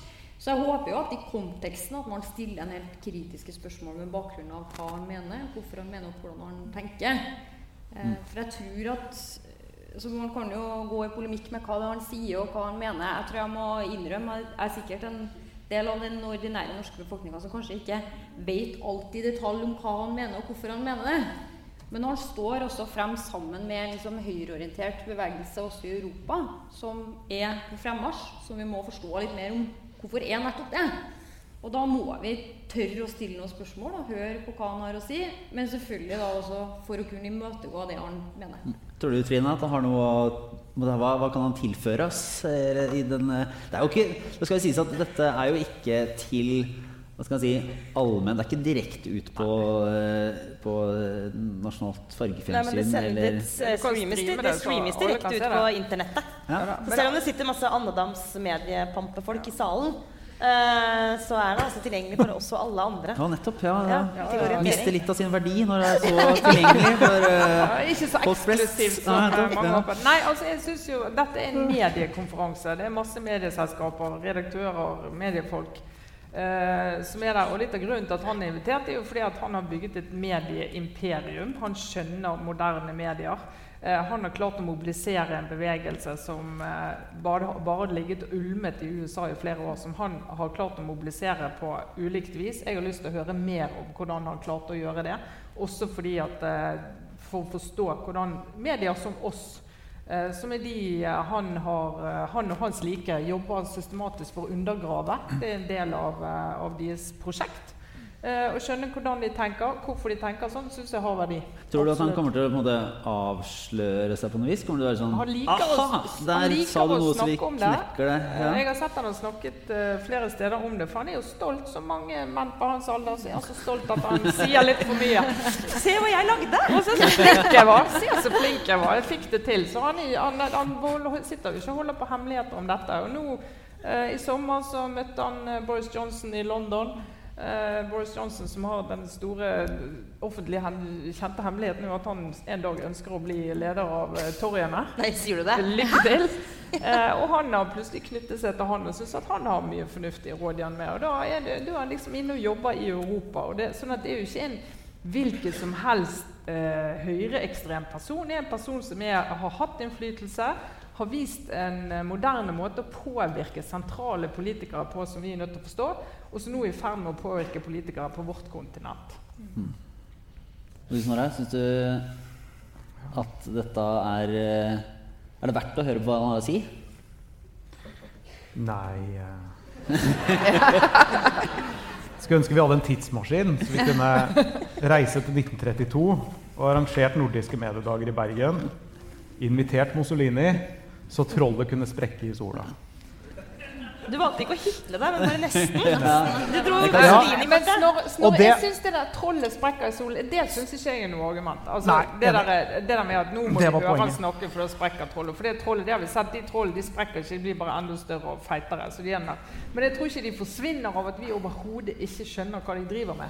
Jeg tror vi er litt bortskjemt. Jeg tror vi er vant med at enten så er du ekstrem, eller så har du innflytelse. Og Derfor går vi i den fella og tenker at hvis noen vinner stor makt og innflytelse, da kan det ikke være så ille. Da må det være verdt å lytte til. Um, Altså, type sånn, han kan ikke være så ekstrem, for han har tross alt liksom, hatt en ordentlig jobb. Og... ja, hvis jeg får komme med et resonnement, så jeg har, virker å ha en litt avvikende mening i panelet um, Jeg sitter i styret i Jødisk museum i Trondheim. Så jeg ble invitert til å holde en appell på den internasjonale holocaustdagen nå i januar for det jødiske samfunnet i Trondheim og alle som ville komme. Og det er en del ting som er litt sånn spesielt med de arrangementene som det jødiske samfunn står for, både på eh, eh, markering av novemberpogromene og holocaustdagen, og det at det alltid er masse politi der som passer på. Og det er en virkelighet som norske jøder må forholde seg til, eh, og som jøder i hele Europa må forholde seg til. Um, en av de tinga vi snakka om på det møtet, var at noen ganger så blir historien så grusom eh, at det blir vanskelig å kjenne igjen trekk fra historien. Og vi, vi, vi har liksom lært oss et sånn nærmest sånn parodisk bilde av hva fascisme er for noe. Når jeg sier fascisme, så ser de fleste for seg en sånn totalitær stat med støvler og uniformer, og alle sitter i fengsel, og det er bare forferdelig grusomt og folkemord. ikke sant?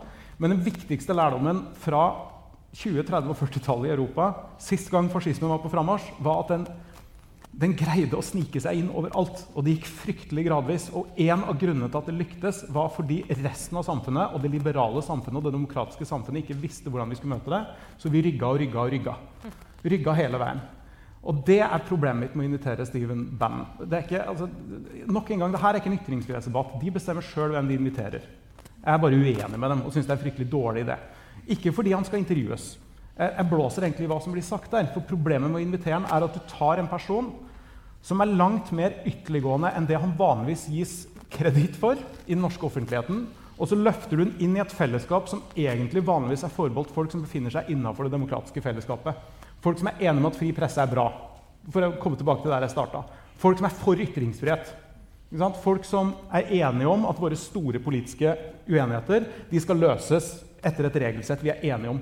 Steve Bannon har det til felles med ja, f.eks. Tjen folket i Norge at han vil sprenge de rammene.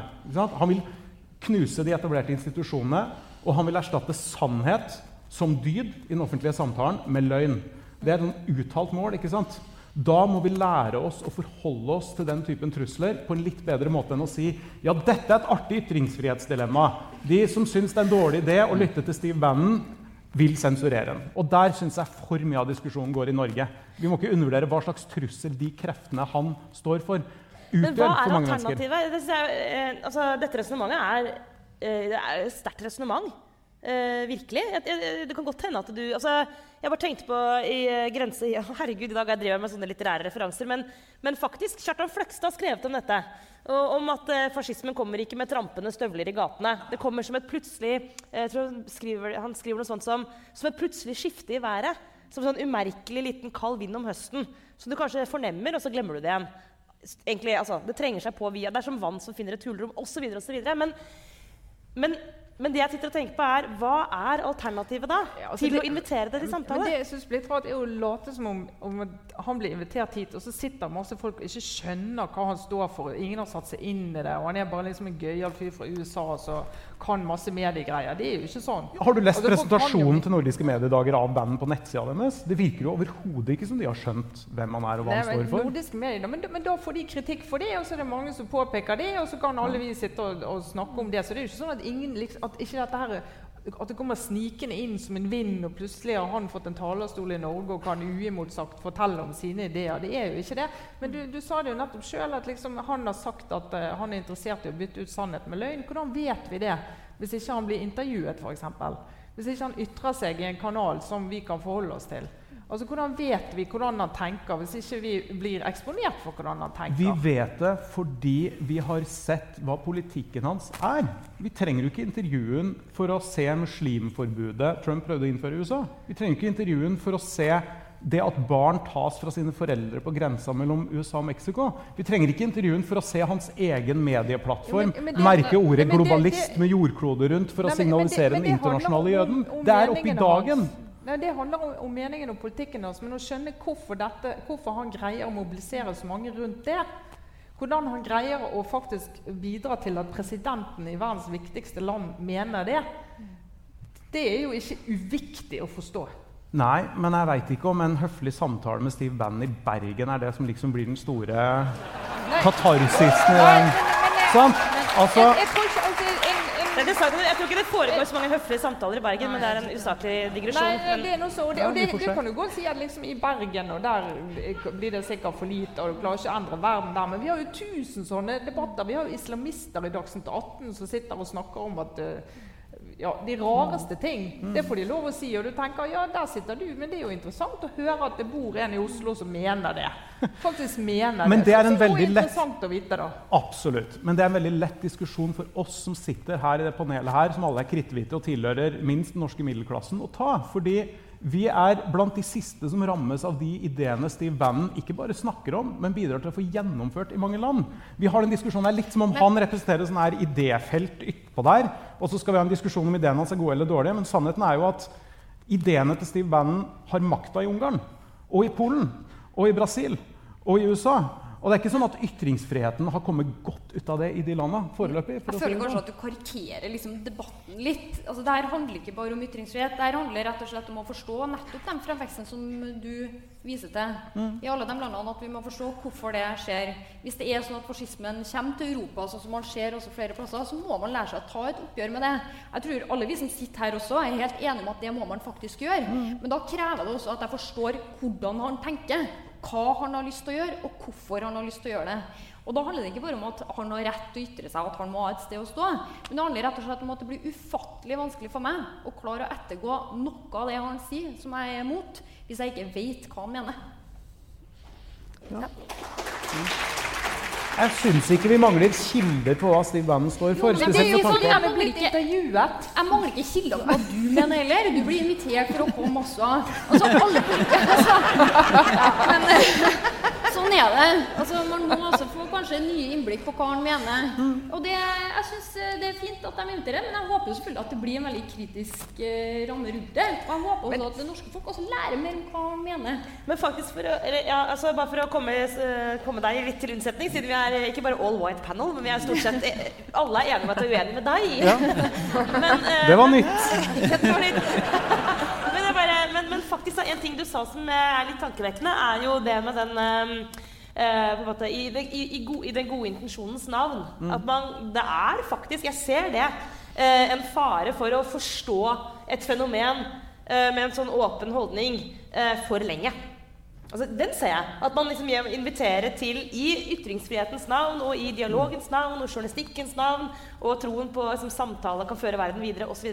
Fordi vi er vant til at de aller fleste aktører forholder seg til de samme spillereglene. Nettopp. Så i møte med aktører som faktisk er antidemokratiske, så kan jeg faktisk se at du har et poeng. Og jeg syns, jeg syns det er litt rart at at Jeg er jo, jeg er jo SV-er, så jeg er vant med å bli mobba for justispolitikken vår. ikke sant? Å, det er sånn sosionomgreier, og vi skal bare forstå alt på dialog og sånn. ikke sant? Den snus alltid på hodet når vi snakker om ytre høyre. Det er liksom ikke måte på hvor, hvilken forståelse, og vi må skjønne og vi må, uenig. vi, vi må høre på det og snakke med dem. Jo, fordi Nei.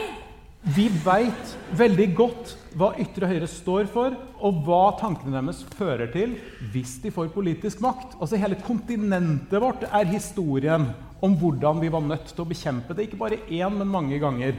Vi snakker om det som det er noe sånn mystisk, nærmest sånn metafysisk over at Trump greide å vinne i USA. Men du sa det jo, Trine. ikke sant? Han er den første presidentkandidaten som åpent har mobilisert på hvit makt i USA. Ja.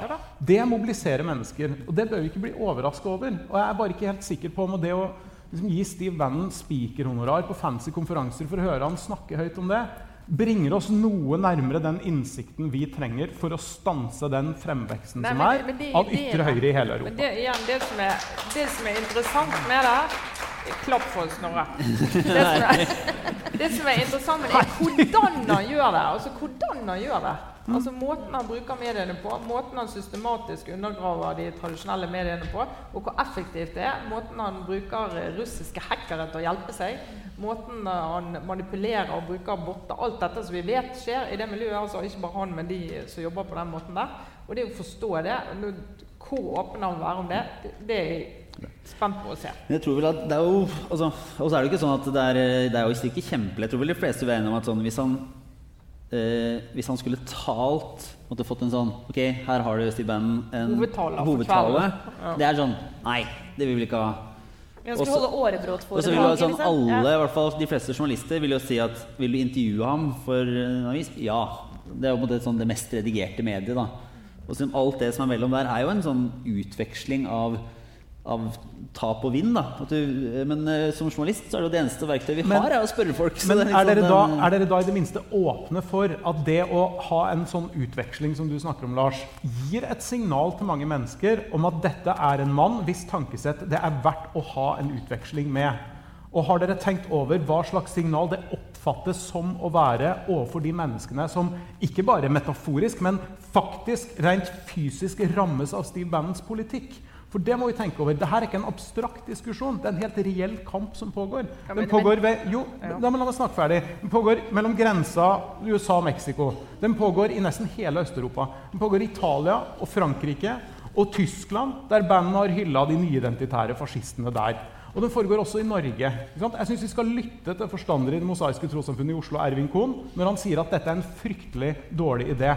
Og da må vi kunne komme det i møte og besvare det på en veldig mye mer overbevisende måte enn nordiske mediedager har gjort. Som, og det er ikke noe jeg sier, men det er bare å lese hva de skriver på nettsida si sjøl.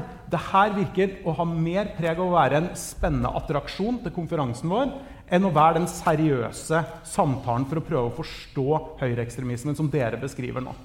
Jo, men, vi, ja, men altså i forkant, hvis du skal forsvare det og tenke at dette har noe for seg, så går jo ikke ut ifra at det er eh, å legge seg på rygg og bare puse med en. Og du ville jo ikke hatt den på Lindmo, da, eh, selv om det er et veldig godt program. Hvorfor ikke? Og kunne vi fått høre hva han står for, og forstå bedre? nei, Nei, Men dere møter dere sjøl i døra! Men, det, men det, er jo, det er jo faktisk en kjernepoeng. For det er klart, arena er ikke irrelevant. Det er forskjell på å få lov å stå og holde et foredrag. Det forskjell på å få lov å bli intervjuet uimotsagt og være lørdagsgjest i Dagsrevyen. Litt sånn koseprat. Det på å sitte i Lindmo og bli konfrontert i Dagsnytt 18.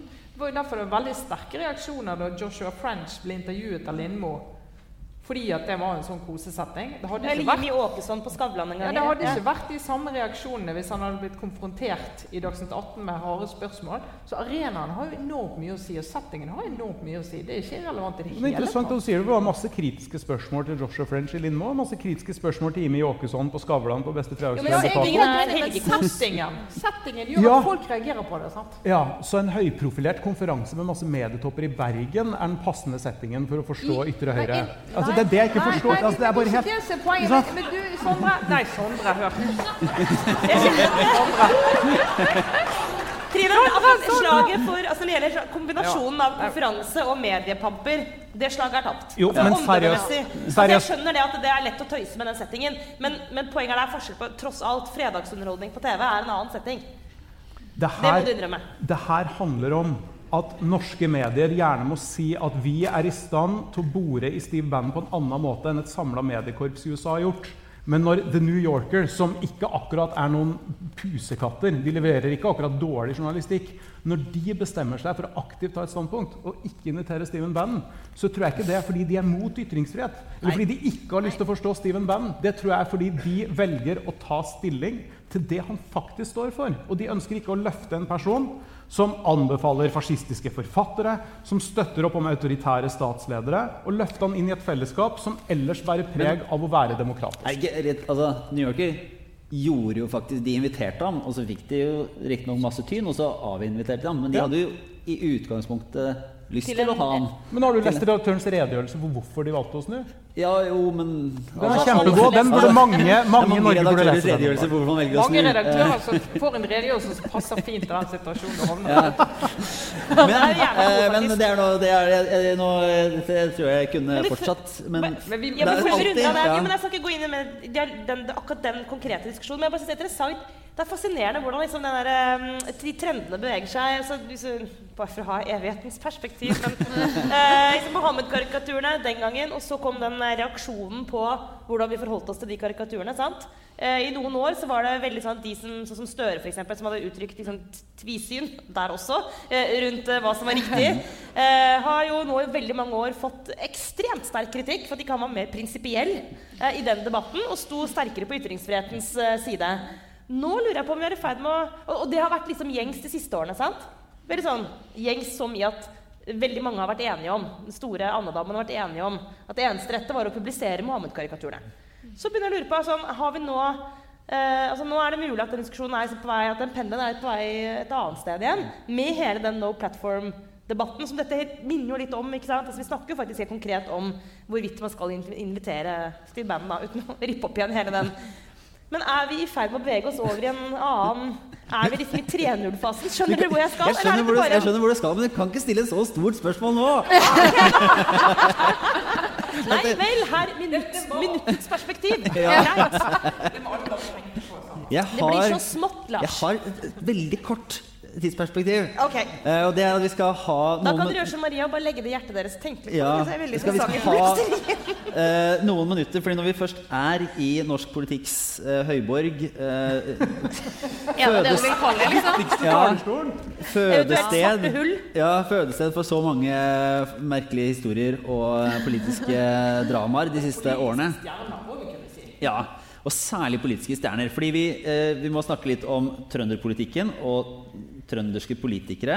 Ja, vi må runde av mens vi er liksom i på det aller viktigste. Nå har vi sagt også litt viktige ting, men nå kommer vi inn i liksom selve måte, Ja, altså, det aller, aller viktigste i Ja. verden, nemlig politikere fra Trøndelag. Ja. og eh, ikke minst det store spørsmålet som jeg har først, er hvem er den mest trønderske av de store trønderpolitikerne? Persongalleriet er så bra. Og vi begynte å ramse opp. Og, og vi har liksom, eh, Per Sandberg, Trine Skei Grande, eh, Bjarne Håkon Hansen. Ikke sant? Og, og begynne Trond Giske, selvfølgelig. Marvin eh, Rita Ottvik. Marvin Wiseth. Eh, det er Marit Arnstad. Ja.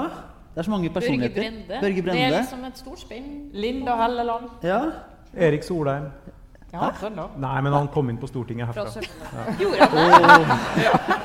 Er det også Trøndelag? Er, den- er den eneste som har representert Størtenlag SV på Stortinget, som fortsatt er medlem i SV. Sier ryktene. Sier ryktene. Ja, Dere kan ikke bruke det her i podkasten. Øystein Djupedal? Er trønder, han òg? Øystein. Djupedal? Nei, han er jo Han er Arbeiderpartiet. Jo, men han er trønder. Men Odd. Einar Dørum er jo trønder. Han er trønder. Ja, Ja, Ja, definitivt trønder. Ja, men eh, hvem, hvem, eh, har du en, eh, hvem er den ultimate? Ja, altså, min favorittpolitiker fra Trøndelag er Marit Arnstad. Ja. Ja, det må jeg bare si. Nå er jo hun altfor edru gjennomgående til å kanskje skåre Til å, på til å vinne over hele til å vinne over hele, Men jeg tenker hun, altså, eh, den måten så Den type politikere, og ikke minst Senterpartiet i Nord-Trøndelag, måten de bygger makt og bruker makt på, det er jo eh, Det er mange som mye å lære av det, altså. ja, men Mener du mener at hun er litt mer sånn nennsom uh, enn uh, Ja, jeg vet ikke om hun er noe har i klypen og streng og alt det der, men uh, den type politikere, de får, ting, eh, de får, eh, de får ting gjort. det er litt mindre, litt mindre liksom folkelig drama enn Per Sandberg? Ja, det er det jo. Ja. Han får jo gjort, han får reist en del og Ja, ja. ja men eh, Sara, hva, hva Nei, altså, han var til og med på flyplassen på vei hit i dag. Eh, så eller, faktisk helt på ekte. Og det er rett og slett Pølse-Hansen. Det må Ja. bli han. Altså, jeg te- å tenke på veien hit, sånn, Hvem er den liksom, erketrønderske politikeren? Bjarne Håkon Hansen. Det er vanskelig å komme unna han. Eh, også fordi at han representerer den der liksom For å være, Unnskyld meg jeg får si det sånn, men eh, okay. det er liksom ikke noe høyere himmel. sant? Det er, det er bare hardt arbeid og litt sånn eh, evne til å få igjennom ting. Altså, Det er veldig morsomt å høre han fortelle om det året han jobbet med Samhandlingsreformen. Ja, og gjorde et par andre ting underveis. Ja, ja, men han fikk jo ting gjort, da. Ja, ja, Ja, men dette- ja, Det her kan du si om mange politikere. Ja, men altså, Ja, ja, ja. Jeg tenker noen ganger om Trøndelag, men Dette er jo ekstremt fordomsfullt, så nå skal vi straks høre dere som sitter som er primærkilden her. Men grunnen til at jeg trakk frem han, er litt sånn Jeg tenker liksom Trøndelag det er liksom realpolitikerens arnested på et vis. da. Folk som er er sånn Drit i fine ord, vi bare gjør det. Vi bare jobber, liksom, og bare får, får ting gjort. Ja. Det var jeg vet, veldig fint. Ja, ja, ja. Er jeg inne på noe? Jeg tror vi er flinke til å gi det inntrykket. Men har dere noen eh, som tenker er som kjernen fanger opp de ulike aspektene ved å Det er, jo, det er jo vanskelig å velge. Det er liksom så mange å ta av som har ufattelig ulike kvaliteter. Noen av dem fremstår kanskje altså Jeg har jo hatt veldig sans for Børge Brende, altså alle i Høyre. Men han er ikke den mest trønderske Men han er nettopp så han går litt sånn lavt kanskje på trønderskalaen. Det vil jeg si. Er fra, Ja. fra Nardo, liksom. Så Davos er lavt Da- på trønderskalaen. Ja. Ja. Ja, ikke høyere, kanskje. Nei, ikke Så, Det var noen sånn selvfølgeligheter på, i taler som du, ja, men det Høyrefolk liker det veldig godt. Høyres, eh, Høyres er når Børge Brende sier sånn Kan du ikke ta noen eksempler? Norge er ikke et land som står og ser på. Og det er liksom det. Og alle bare Yes! Det er så bra! Det er helt, det er helt, det er helt supert, vet du. Og det, vi er mot antisemittisme. Ja, nei, det er veldig, veldig mye bra. Nei, men jeg syns jo også Per Sandberg Han er liksom Han rommer en trønder, da. Kan du si.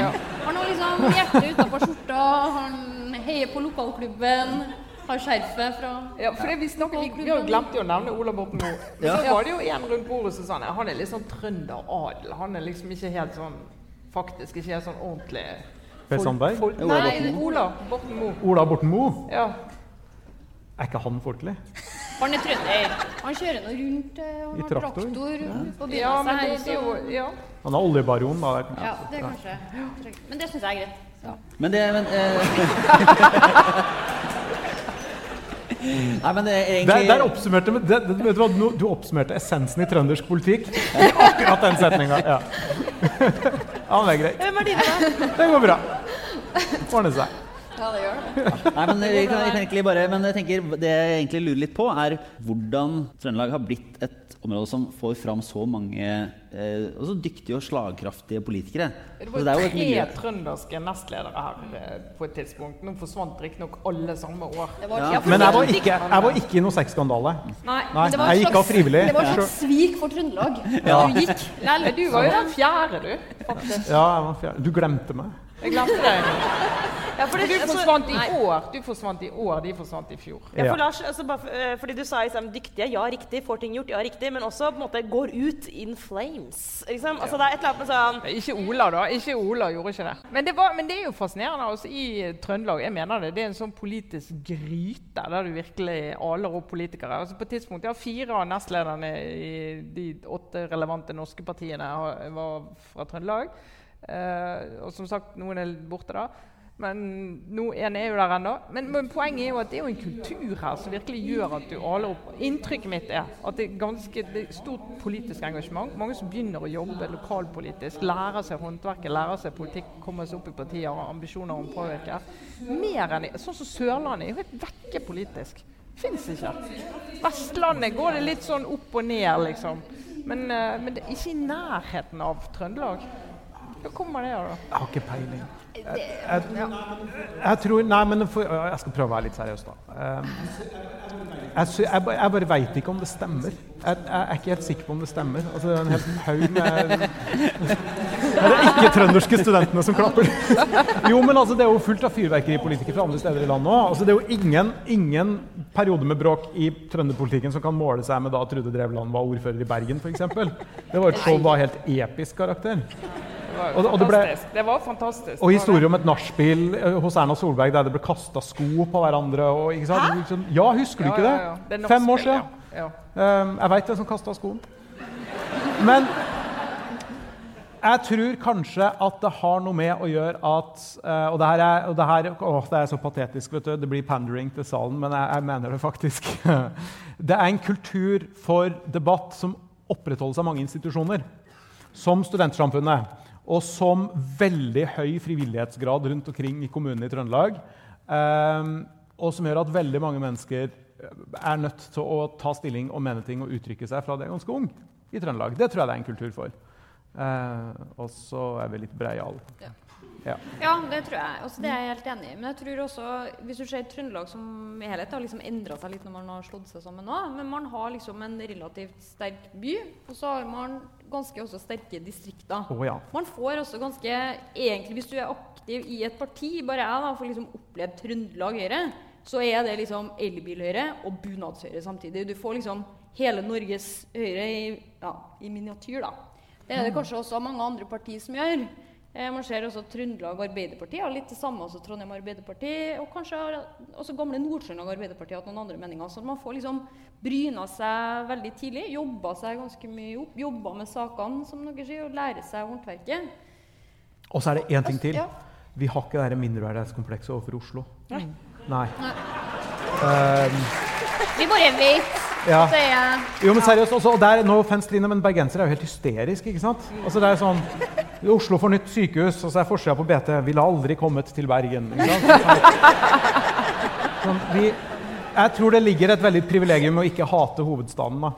Og det er lett for meg å si som er født i hovedstaden og flytta hit og integrert. Men, ehm, eh, men det tror jeg helt seriøst. Altså, vi er mindre provinsielle enn mange andre regioner i Norge fordi vi ikke er opptatt hele tida av oss sjøl. Men Lars, vi åpna med å snakke om si, og det, det går jo ikke med dette her eh, håpløse panelet, men å snakke om liksom hvem i Game of Thrones i trønderpolitikken. Men, men jeg, jeg, har bare, jeg brenner inne med liksom én karakter, som er den aller viktigste karakteren. Og det altså i, i eller, det viktigste klanen.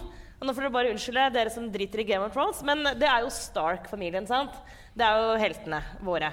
Og da tenker jeg liksom at hvis man skal utnevne én sånn eh, Og da kunne det vært Ned Stark, men la oss si Lianna Stark, da, hans søster, så må det være Marit Arnstad.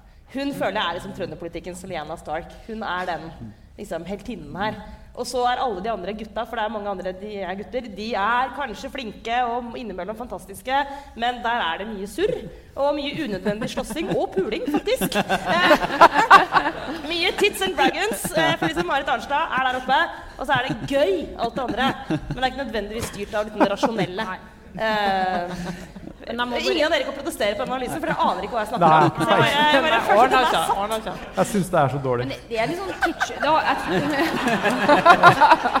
jeg tror kanskje det har vært litt sånn ketsjup-effekt det siste året. Altså man har liksom fått sett kanskje det, det verste av trøndersk politikk som ja, er mer personalpolitikk eh, enn noe annet. Det er litt sånn hadde du tatt hadde du tatt uh, Trøndelag ut av metoo-historiebøkene, så hadde det bare vært Perman igjen. Og det er jo egentlig litt sånn trist for, for oss, men Men ja.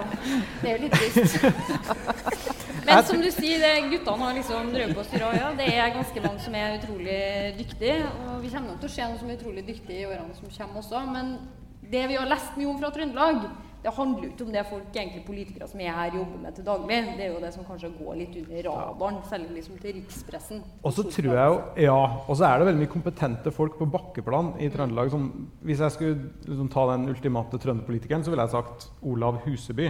Som har sittet på fylkestinget siden fylkes... Og det her er sant, siden fylkeskommunen oppsto som organ.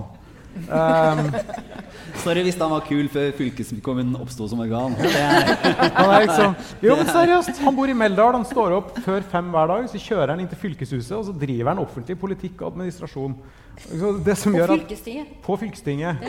Det er, og det er egentlig det ultimate trønderpolitiker. For vi, vi har jo ganske mange folkevalgte her i, her i fylket. så det er verken Øystein Djupedal eller Trond Giske? Skal jeg fortelle Djupedal og Giske-historien? Ja. Ja. Men Du lokka med den tidligere her. eh, Ja, men nå har jeg hypa den. Den er ikke så morsom, men den er sann. Eh, 14 år gamle Trond ringte partiet han hadde lyst til å melde seg inn i. Eh, og det var SV. Og der satt fylkessekretær Øystein Djupedal og tok telefonen. Hei, det er Trond. Jeg har lyst til å melde meg inn i Sosialistisk Ungdom. Og Øystein var Øystein, så han sa ja, hvor gammel er du? «Ja, jeg er 14 år. Nei, du er ikke gammel nok. Klikk. Så. Så Trond meldte seg inn i AUF. det, er, Det er, sånn, det er så åpent om det er en suksess eller uh, fiaskohistorie. Han hadde kanskje bare meldt seg inn i Arbeiderpartiet senere uansett. Så, ja. Det er en historikk for det i SV, da. Det er jo det. Er jo det. Nei.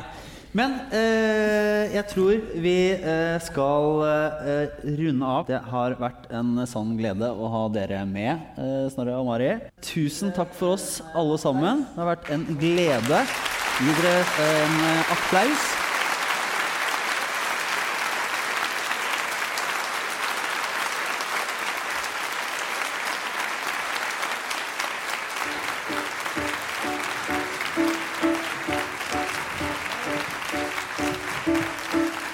Jeg har hodet mitt på mange plasser og latt meg styre for mange kompasser. Om jeg har ramla sammen, falt ned, har jeg reist meg opp for det. Om jeg har drømt meg bort til rota festa, har ikke dratt min kos, men blitt ved lesta. Om jeg har famla gæli av sted, er jeg her jeg er med. Sammen, blir man enda større. Å flytte grensa handler om å tørre, tørre å stå sammen som man